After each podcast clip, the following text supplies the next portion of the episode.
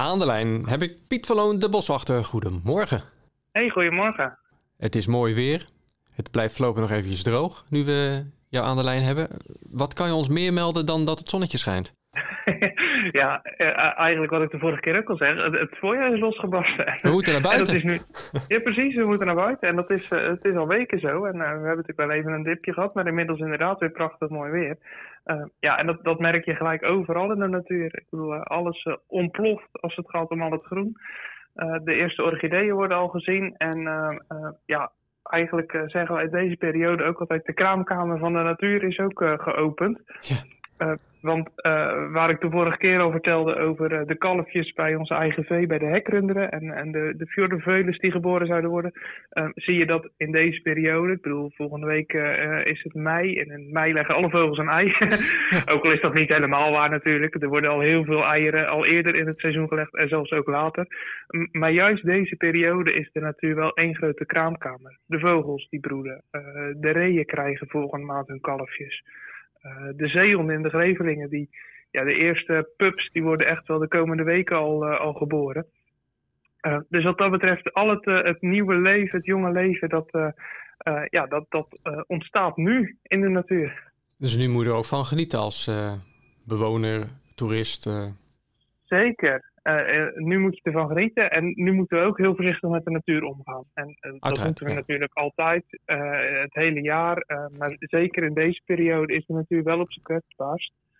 je kan je voorstellen dat dieren die een, een, een kalf, een pup of een kuiken krijgen, ja, daar vooral heel druk mee zijn. En ook waar, er gaat ook heel veel energie van zo'n van zo'n ouder, zeg maar, gaat er in, in, de, in het voeden en het het, eh, het, het, laten opgroeien van een, eh, een kuik of een kalf zitten.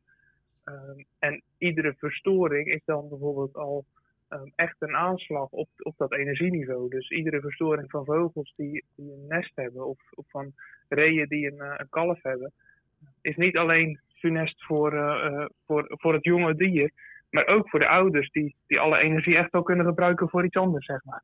Oké, maar, maar goed, stel ik, ik loop uh, nou, bij de Gevelingen door een stuk ja. natuur. En, en, en, ik zie ergens uh, nou, een, een, kalf bijvoorbeeld uh, liggen bij zijn moeder of zo. Um, ja. Wat is dan het verstandigste wat ik dan op dat moment doe? Want ik wil dat eigenlijk, kan voorstellen, wel zien natuurlijk als bezoeker. Dat ik denk, nou, ik wil even een foto maken, dat soort dingen. Is ja, precies. Maar blijf dan, uh, blijf dan goed op afstand. Dat is altijd, altijd het devies als je, uh, als je uh, moeder-kalf combinaties ziet. Of het nou reeën zijn, of het is het, het zijn hooglanders of het zijn paarden. Uh, maar blijf altijd op afstand. Op het moment dat je uh, te dichtbij komt en, en een moeder denkt van hé, hey, ik vertrouw het niet, uh, zal een, een soort oerinstinct altijd denken ik vlucht. Terwijl het kalf dan blijft liggen. En oh, ja, dat, dat kan wel ook tot vervelende situaties leiden als het gaat om een, een, bedreigende situatie voor, voor moeder of kalf, waardoor ze dan een, proberen te verdedigen. Maar het kan ook zijn dat ze het, het kalf daardoor verstoten. Uh, en dat het dus niet meer verder uh, opge opgevoed wordt uh, door de moeder. Ehm, en ja, dat, dan overleeft het gewoon niet in de natuur.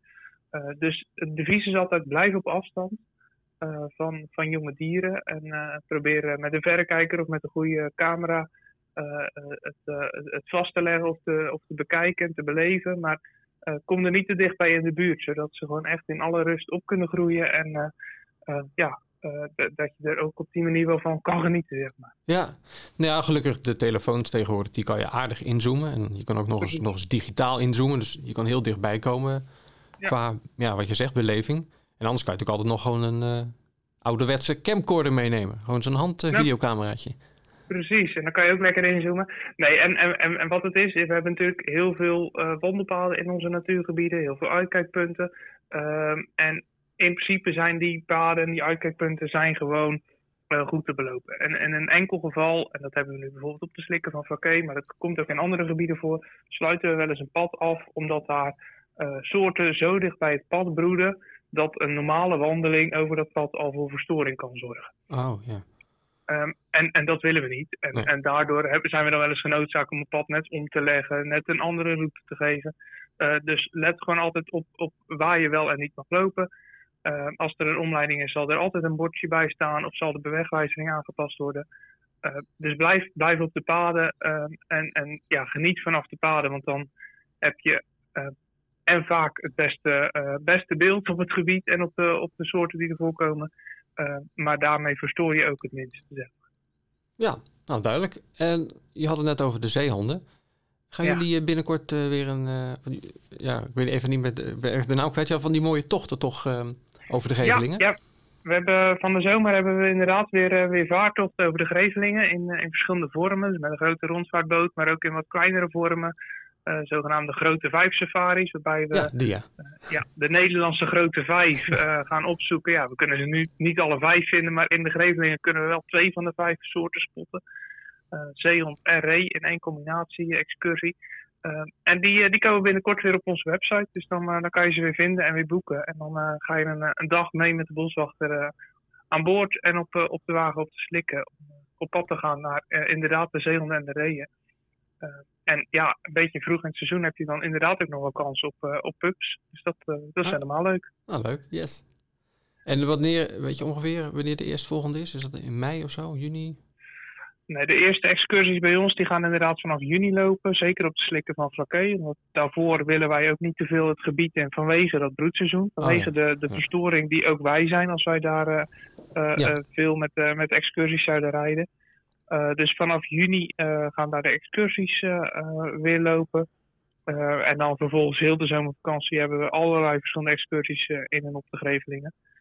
Uh, dus dan, uh, dan, dan is het weer, uh, weer keuze genoeg om, om zelf het gebied te verkennen. Yes, leuk. Nou, bedankt Piet. En graag tot de volgende keer. Yes, tot de volgende keer.